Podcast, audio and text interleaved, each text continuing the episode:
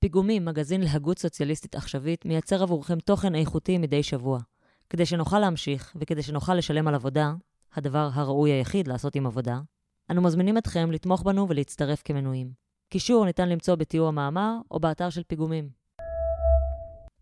אנחנו זקוקים לאינטרנציונל פרוגרסיבי שיתכנן את היום שאחרי הקפיטליזם. יאניס וארופאקיס, 1 באוקטובר 2020. יש להציג אלטרנטיבה להתנגשות המדומה בין הממסד הליברלי לאינטרנציונל הלאומני. נאום שנשא יאניס ורופקיס בכנס הייסוד של האינטרנציונל הפרוגרסיבי. התקופה שלנו תיזכר בתור התקופה בה שני סוגים תאומים של סמכותנות חגגו את ניצחונם. בה הרוב הגדול של האנושות התמודד עם מצוקה מיותרת, ובה המערכת האקולוגית של כוכב הלכת שלנו סבלה מהרס סביבתי שניתן היה למנוע אותו. הייתה תקופה שחלפה במהירות, אותה הגדיר אריק הופסבאום בתור המאה ה-20 הקצרה. במהלכה הממסד צופף שורות וניסה להתמודד עם מי שאתגרו את סמכותו. זו הייתה תקופה נדירה בהשוואה לשאר שלבי ההיסטוריה האנושית, שכן הממסד היה צריך להתמודד אז עם מגוון של כוחות פרוגרסיביים שפעלו כדי לשנות את העולם. הסוציאל דמוקרטים המקוריים, שביקשו לחלק מחדש את הכוח בין עבודה לבין הון במסגרת הקפיטליזם, המשטרים שהיו קשורים בברית המועצות, שהתנסו עם אופני ייצור לא קפיטליסטיים אך ריכוזיים, יוגוסלביה, שניסתה את מזלה עם ניהול עצמי, התנועות לשחרור לאומי באפריקה ובאסיה, ואפילו התנועה הירוקה המקורית, הרדיקלית, במקומות כמו מערב גרמניה. באותה תקופה, הממסד היה מאוחד נגד כל אותם אתגרים פרוגרסיביים. אני גדלתי בדיקטטורה ימנית פשיסטית, שארצות הברית, תחת ממשל לינדון ג'ונסון, סייעה בהקמתה. היה זה אחד הממשלים האמריקאים הפרוגרסיביים ביותר כשזה נגע בענייני פנים, אולם בה בעת, הוא לא היסס לתת גיבוי לפשיסטים ביוון, או לכסות בהפצצה מהאוויר את וייטנאם. אני מציין את ממשל ג'ונסון של שנות ה-60 בתור תזכורת לעובדה ההיסטורית, שמה שאנחנו מכנים כיום בשם הממסד הליברלי, נהג להשתמש בפשיסטים וברודנים מקומיים באופן ליברלי למדי כדי לבצר את מה שכונה אורח החיים המערבי. באותן שנים פשוט אי אפשר היה לראות את סוג הפחד והתיעוב כלפי הפופוליזם הימני, שכיום מרוח על פני כל עמודי הניו יורק טיימס. בתקופה ההיא, הניו יורק טיימס ושאר ביטאוני הממסד הליברלי הציגו את הפרוגרסיבים בתור אויבי החירות והדמוקרטיה. אולם אף פעם לא נהגו כך כלפי מפלצות מסוגם של גיאורגיוס פפדופולוס או אוגוסטו פינושה. דברים השתנו אחרי 2008. השנה בה המערכת הפיננסית המערבית קרסה לתוך עצמה. בעקבות 25 שנות פיננסיאליזציה, ותחת המעטה האידיאולוגי של הניאו-ליברליזם, הקפיטליזם הגלובלי חווה לפתע עווית נוסח 1929, שכמעט והכניע אותו. התגובה המיידית הייתה להפעיל את הבנקים המרכזיים להדפסת כסף, אבל גם לגלגל הלאה את ההפסדים של הבנקים אל מעמד העובדים ומעמדות הביניים, באמצעות הלוואות חילוץ, כך שהמוסדות הפיננסיים והשווקים ירימו את הראש מעל המים. לשילוב הזה של סוציאליזם כלפי קומץ גופים פיננסיים ושל צנע נוקשה כלפי ההמונים, היו שתי תוצאות. ראשית, השילוב הזה הוביל לצמצום ההשקעה הריאלית בקנה מידה עולמי. שכן החברות יכלו לראות כי לציבור הרחב אין כסף רב להוציא על רכישת מוצרים חדשים ושירותים. כך נוצר פער ענק בין ההשקעה הריאלית מצד אחד, לבין החסכונות והכסף הקיים, שהדפסת הכסף בידי הממשלות הביאה להגדלתו הניכרת. התוצאה הייתה אי נחת גוברת בקרב הציבור הרחב, ובמקביל, העשרה של קומץ קטן. שנית, השילוב הזה הוביל לתחילת הצמיחה של התקוממויות פרוגרסיביות, מתנועת האינדיגנדוס בספרד ותנועת הכיכרות ביוון, דרך אוקיופאי וול סטריט וכלה בכוחות שמאליים שונים באמריקה הלטינית. שעם כולן הצליח הממסד להתמודד ביעילות. עם חלקן באופן ישיר, למשל באמצעות רמיסת האביב היווני ב-2015, ועם חלקן באופן עקיף, באמצעות הדשדוש שחווה הקפיטליזם הגלובלי. לדוגמה, דעיכתן של הממשלות השמאליות באמריקה הלטינית לאחר קריסת הביקוש הסיני ליצוא מהן, בשל חוסר האיזון בין החיסכון הגלובלי לבין ההשקעה הגלובלית. ככל שמוקדי המחאה הפרוגרסיביים חוסלו זה אחרי זה, היעדר שביעות הרצון של ההמונים הייתה צריכה למצוא ביטוי פוליטי חדש. כך היינו עדים לתופעה שלא נצפתה מאז השנים שבין שתי מלחמות העולם. תוך חיקוי עלייתו של מוסוליני, שהבטיח לדאוג לחלשים ביותר ולהבטיח שיהיו גאים להרגיש שוב איטלקים, ראינו לנגד עינינו את עלייתו של האינטרנציונל הלאומני. דונלד טראמפ, אני אדאג למי שוול סטריט והממסד הליברלי יותירו מאחור. הגילויים הימנים של תופעות הברקסיט. אנחנו רוצים את ארצנו בחזרה, ובנוסף עוד כסף לשירות הבריאות הלאומי. בולסונארו, מודי, לפן, סלוויני, אורבן, וכו' וכו'. כך אירע שלראשונה מאז מלחמת העולם השנייה, מרכז ההתגוששות הפוליטית הוא לא בין הממסד לבין פרוגרסיבי מסוגים שונים, אלא בין אגפים שונים של הממסד. חלקו האחד מתייצב כמגינה הנלהב של הדמוקרטיה הליברלית, וחלקו האחר כמייצג של הדמוקרטיה הלא-ליברלית. כמובן שההתנגשות הזו בין הממסד הליברלי לבין האינטרנציונל הלאומני היא לגמרי אשליה. מר מקרון היה זקוק ללפן, משום שבלעדיה הוא לעולם לא היה נעשה נשיא. ואילו גברת לפן זקוקה למקרון ולמדיניות הצנע של הממסד הליברלי, שיצרו את אי שביעות הרצון הציבורית שהזינה את מערכות הבחירות שלה.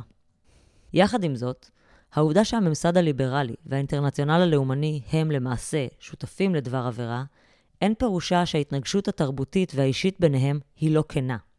אמנם אין הבדל ממשי במדיניות שלהם, ולראיה, ממשל טראמפ השתמש באותם אנשי וול סטריט כדי להעביר קיצוץ במיסים מהסוג בו תמכו ג'ורג' בוש ואפילו הילרי קלינטון.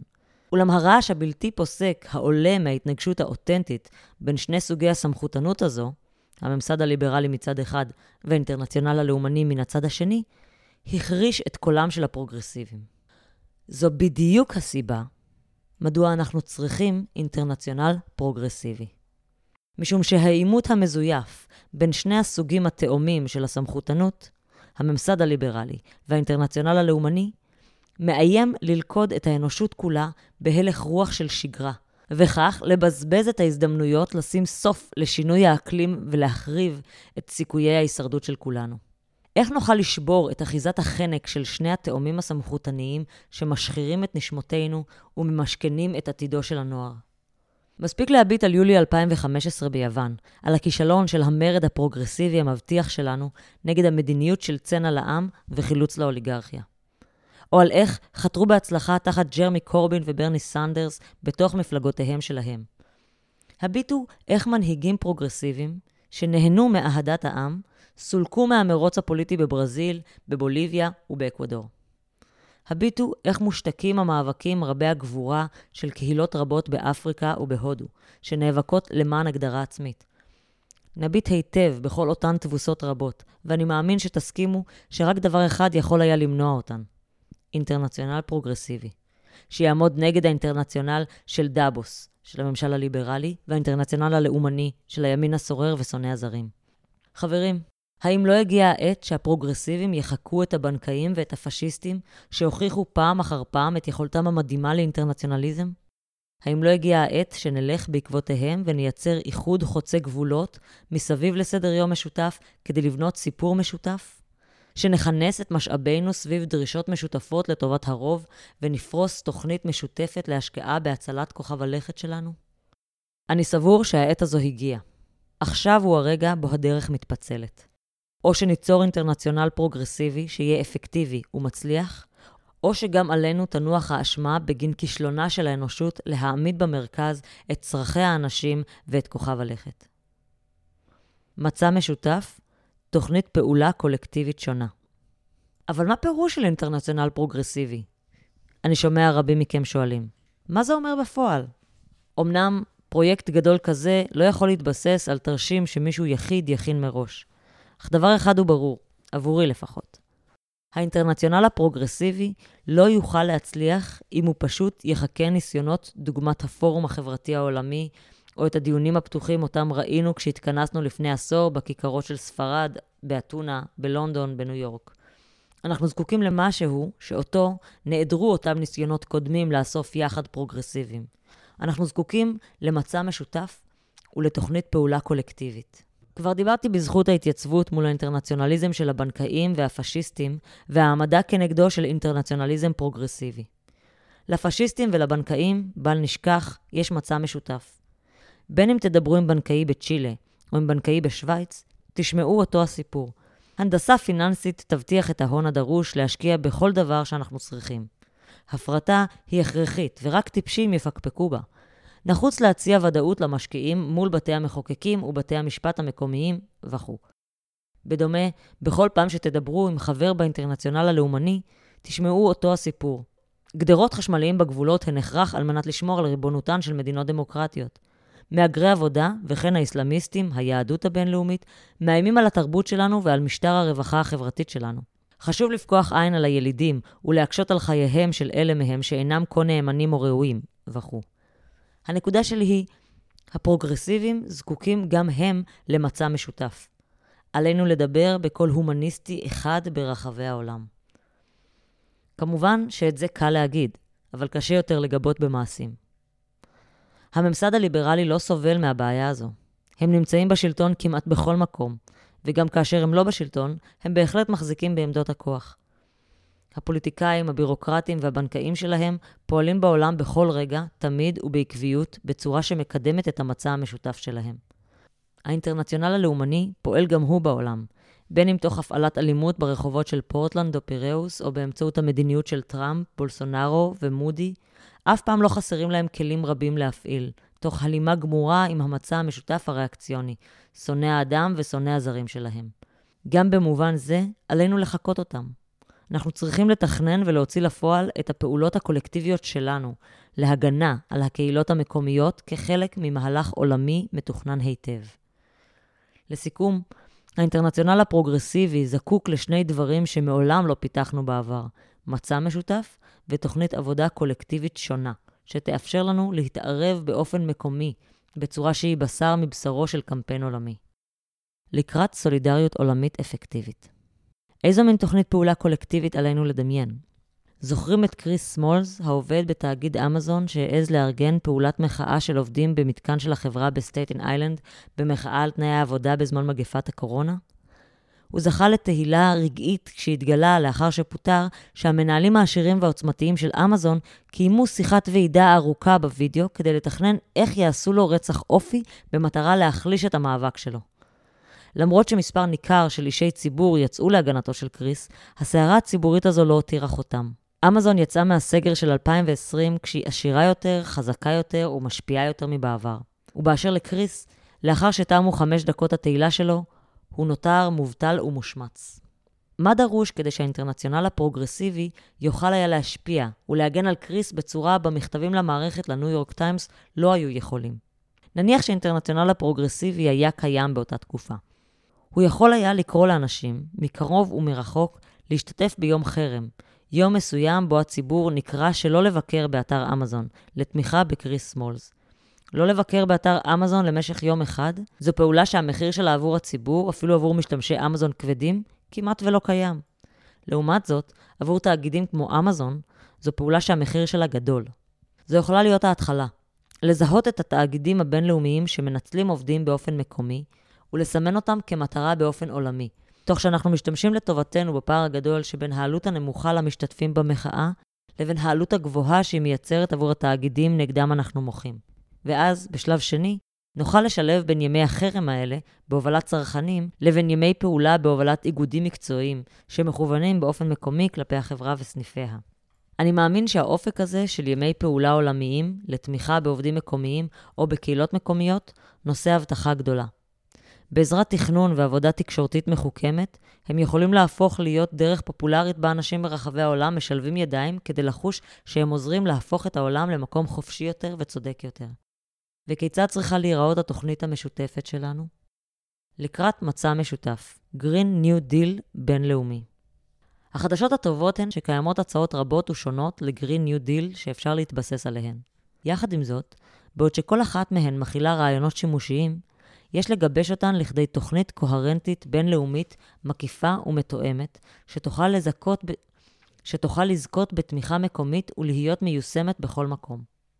כדי לזכות בתמיכה כזו, על התוכנית להשיב על שלוש שאלות. מה יש לעשות? איך נשלם על זה? מי יעשה את זה?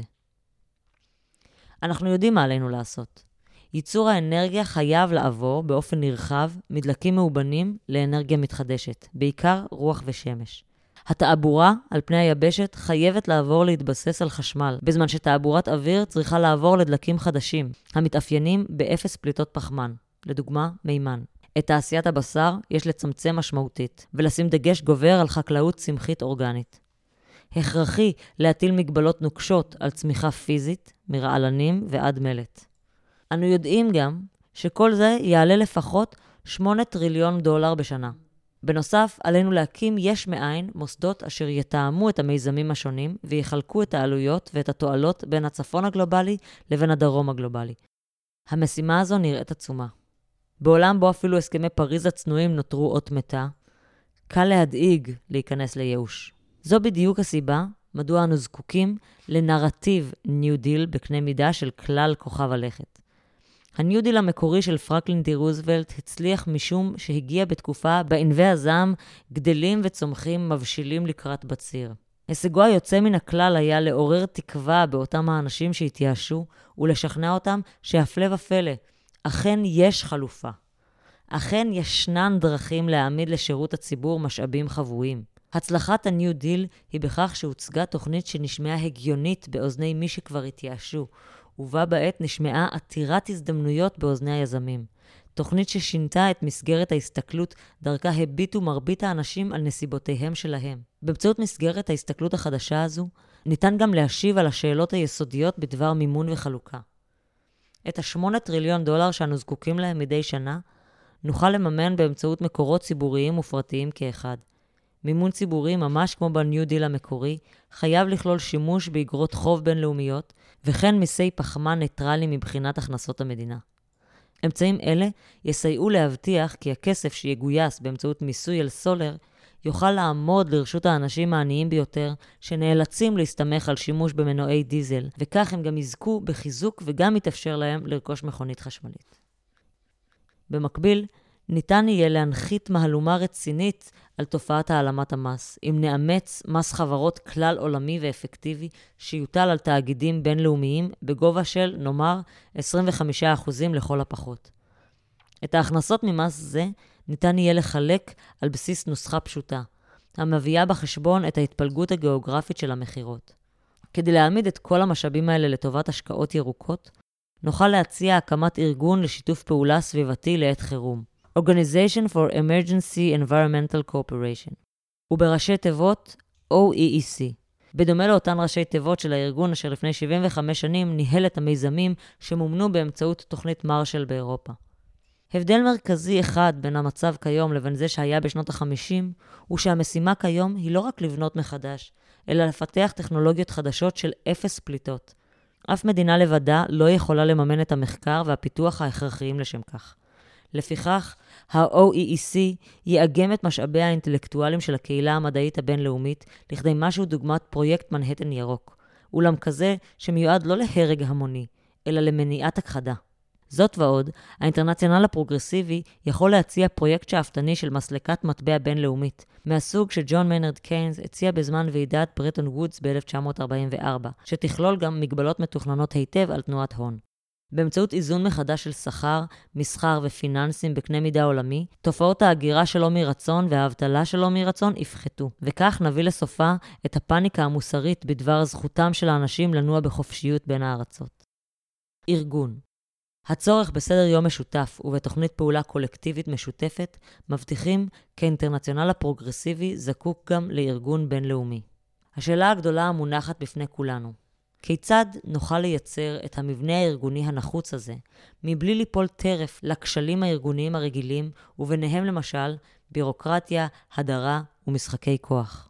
זו שאלה קשה, שחברי המועצה של האינטרנציונל הפרוגרסיבי חייבים לתת דעתם עליה. שאלה שלי אין תשובה עבורה. יחד עם זאת, היעדר תשובה בשלב זה הוא סימן טוב, משום שאת התשובה נצטרך לגלות יחדיו. הנקודה היחידה שחשוב לי להדגיש ברגע הזה, היא שהקושי במתן תשובה לשאלה זו ובביסוס ארגון אפקטיבי, הוא לא תירוץ להישארות במקום ולהימנעות מהתקדמות קדימה.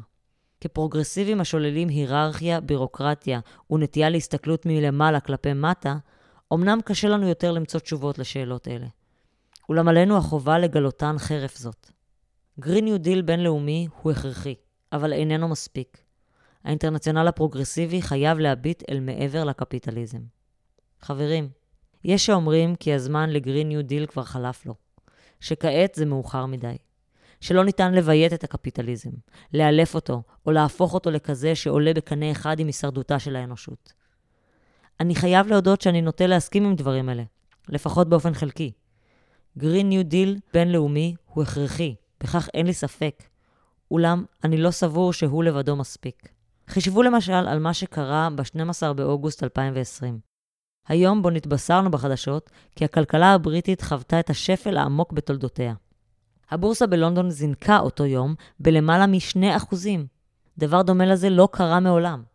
התפתחויות דומות אירעו בוול סטריט בארצות הברית.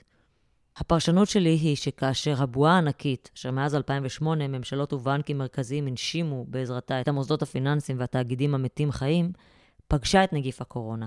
מאז אותו רגע, השווקים הפיננסיים ניתקו סופית מהכלכלה הקפיטליסטית עליה הם נחו. וכך, בשקט בשקט, הקפיטליזם התפתח לכדי פוסט-קפיטליזם מחריד. אם כי לא, כמובן, הפוסט-קפיטליזם אשר הסוציאליסטים המושבעים דמיינו לעצמם בעבר. האינטרנציונל הפרוגרסיבי שלנו צריך ברצינות להביא בחשבון את האפשרות שלא רק שראוי להביא לסופו של הקפיטליזם, אלא ליתר דיוק שייתכן והקפיטליזם עצמו כבר שמט את הקרקע תחת רגליו. אם בנקודה זו הצדק מצוי עימי, הרי שאפילו חברי האינטרנציונל הפרוגרסיבי שמשתעשעים ברעיונות בדבר תיקון הקפיטליזם או ביותו, חייבים לשקול את האפשרות שעל האינטרנציונל הפרוגרסיבי מוטלת החובה להביט אל מעבר לקפיטליזם. כלומר, לתכנן כיצד תיראה התרבות האנושית הפוסט-קפיטליסטית. מבט חטוף אל הפוסט-קפיטליזם. אמנם אין זה המקום או הזמן להתחיל לתכנן את הפוסט-קפיטליזם, אך זה בהחלט מועיל לדמיין כיצד יכול עולם פוסט-קפיטליסטי להיראות. אם לא נהיה מסוגלים לשקול שיקולים כאלה, בצד צעדים מעשיים דוגמת ה Green New Deal הבינלאומי, הרי שהאינטרנציונל הפרוגרסיבי לא יצליח לעורר השראה. לא בנו, הוותיקים, שזקוקים לזריקת תקווה, ולא לדור הצעירים המחפשים אחר חזון שראוי להיאבק למענו. בספרי שיצא השבוע, הנקרא עכשיו אחר, אני מנסה לדמיין איך יכלו דברים להיראות לו הדור שלי לא פספס כל אחד ואחד מרגעי ההכרעה שההיסטוריה זימנה לנו. מה היה קורה לו ניצלנו את הרגע של 2008 כדי לצאת במהפכת הייטק שלווה שתוביל לדמוקרטיה כלכלית פוסט-קפיטליסטית? איך דברים היו יכולים להיראות? כדי שאנשים יהיו מעוניינים בה, חברה כזו תדרוש שווקים למוצרים ולשירותים, משום שהחלופה, שיטת קיצוב בנוסח סובייטי, שנותרה כוח שרירותי בידיהם של הבירוקרטים הנאלחים ביותר, היא נוראית מכדי לתאר במילים. אבל כדי שתהיה חסינה ממשברים, יש שוק אחד שסוציאליזם של שוק לא יכול להרשות לעצמו לכלול. שוק העבודה. מדוע? משום שמרגע שלזמן העבודה יש מחיר, מנגנון השוק דוחף אותו מטה באופן בלתי נמנע, תוך שהוא הופך כל היבט של עבודה לסחורה. ובעידן הפייסבוק, גם כל היבט של זמן הפנאי שלנו. ככל שהמערכת משתכללת ומצליחה לעשות זאת טוב יותר, כך פוחת ערך החליפין של כל יחידת תפוקה שהיא מייצרת. וכך פוחת שיעור הרווח הממוצע, ולבסוף, כך מתקרב אלינו המשבר המערכתי הבא. האם יכולה כלכלה מתקדמת לפעול בלא שווקי עבודה? כמובן שהיא יכולה. חישבו למשל על העיקרון של עובד אחד, מניה אחת, כל אחד. דמיינו שנתקן את חוק החברות כך שנהפוך כל עובד שכיר לשותף שווה, הגם שמתוגמל באופן לא שווה, באמצעות מתן מניה אחת, לא שכירה, לאדם אחד עם כל אחד. הרעיון רדיקלי ובלתי מתקבל על הדעת כיום, כשם שזכות הצבעה לנשים הייתה במאה ה-19. אם ניתן לעובדים שותפים את הזכות להצביע באספות הכלליות של החברות, רעיון שהוצע בידי האנרכו-סינדיקליסטים הראשונים, ההבחנה בין שכר לבין רווחים תתבטל, והדמוקרטיה תיכנס סוף סוף גם למקום העבודה. כלים דיגיטליים שיתופיים חדשים יעמדו לרשותנו כדי לסלק את כל המכשולים שיפגעו ביעילותה של הפירמה התאגידית-סינדיקליסטית הדמוקרטית הזו. בנוסף לדמוקרטיזציה של החברות, מהלך מסוג זה יוביל גם לסופם של שווקי המניות, ויסלק את הצורך בחובות עתק למימון מיזוגים ורכישות. כבר כיום, כמה מהבנקים המרכזיים מהרהרים באפשרות של מתן חשבון בנק בחינם לכל אזרח בגיר. אם רעיון זה יתממש בחברה שאין בה שווקי מניות, למה שמישהו ירצה חשבון בבנק פרטי? מרגע שתיעלם תופעת מינוף החוב הקשורה בשווקי מניות ובבנקאות פרטית, כך תיעלם גם הבנקאות המסחרית. גולדמן סאקס ודומיהם ייכחדו, בלי שנצטרך אפילו להוציא אותם מחוץ לחוק. נניח שניקח רעיון זה צעד אחד קדימה, ונציע כי הבנק המרכזי יעמיד לזכות כל חשבון כזה מענק חודשי קבוע, דיבידנד אוניברסלי בסיסי. מכיוון שכולם השתמשו בחשבון הבנק שלהם בבנק המרכזי כדי לבצע תשלומים בתוך גבולות המדינה, הרי שרוב הכסף שיודפס בידי הבנק המרכזי יעבור ממקום למקום בתוך ספר החשבונות הראשי שלו. בנוסף, הבנק המרכזי יוכל להעניק לכל התינוקות הנולדים קרן נאמנות שתשמש אותם כשיגדלו. באופן הזה, האנשים ייהנו משני סוגי הכנסה. הדיבידנדים שמתקבלים בחשבון הבנק המרכזי שלהם, והכנסות מעבודה בחברה תאגידית סינדיקליסטית. אף אחת משתי ההכנסות לא תהיה חייבת במס. כלומר, סופו של מס הכנסה ושל מע"מ. במקום זאת, הממשלה בחברה מטיפוס כזה תמומן באמצעות שלושה סוגי מס. מס בגובה 5% על כל הפדיון של החברות התאגידיות סינדיקליסטיות, מס פחמן והכנסות מהחרת אדמות, ששייכות כולן לקהילה בכללותה, למטרות פרטיות מוגבלות בזמן. מרגע שמאמצים עקרונות אלה, קווי המתאר של סוציאליזם של שוק כמעט ומסורטטים מאליהם. לאחר שיהפכו חופשיים משלטון התאגידים, לאחר שישתחררו מההשפלה שמדינת הרווחה כופה על חסרי האמצעים, לאחר שיתגברו על משחק משיכת החבל שבין רווחים לבין שכר, יוכלו אנשים והקהילות להתחיל לדמיין דרכים חדשות להשתמש בכישוריהם וביצירתיות שלהם. סיכום חברים, ניסיתי להמחיש את הסיבות שבגללן האינטרנציונל הפרוגרסיבי הוא חיוני ברגע הנוכחי שלנו בהיסטוריה. בהתייצבנו מול המשימה המפרכת של מאבק בשני סוגי הסמכותנות המחריבים את העתיד שלנו, אנו זקוקים לתוכנית משותפת של מה עלינו לעשות ברחבי העולם, למסגרת הסתכלות משותפת שתדריך את הקמפיינים שלנו ותמריץ את הפרוגרסיבים בעולם כולו בדרך ליישום התוכנית המשותפת שלנו, לארגון בינלאומי משותף שיתאם את הקמפיינים שלנו, ואחרון חביב, אנו זקוקים לרצון משותף לדמיין פוסט-קפיטליזם ביחד. האינטרנציונל הפרוגרסיבי הוא הזדמנות ייחודית להתמודד עם האתגר הזה. ברחבי העולם, ביחד. תרגום אורי ולטמן. קריינות נעמה קוניק. פיגומים, מגזין להגות סוציאליסטית עכשווית, מייצר עבורכם תוכן איכותי מדי שבוע. כדי שנוכל להמשיך, וכדי שנוכל לשלם על עבודה, הדבר הראוי היחיד לעשות עם עבודה, אנו מזמינים אתכם לתמוך בנו ולהצטרף כמנויים. קישור ניתן למצוא בתיאור המאמר או באתר של פיגומים.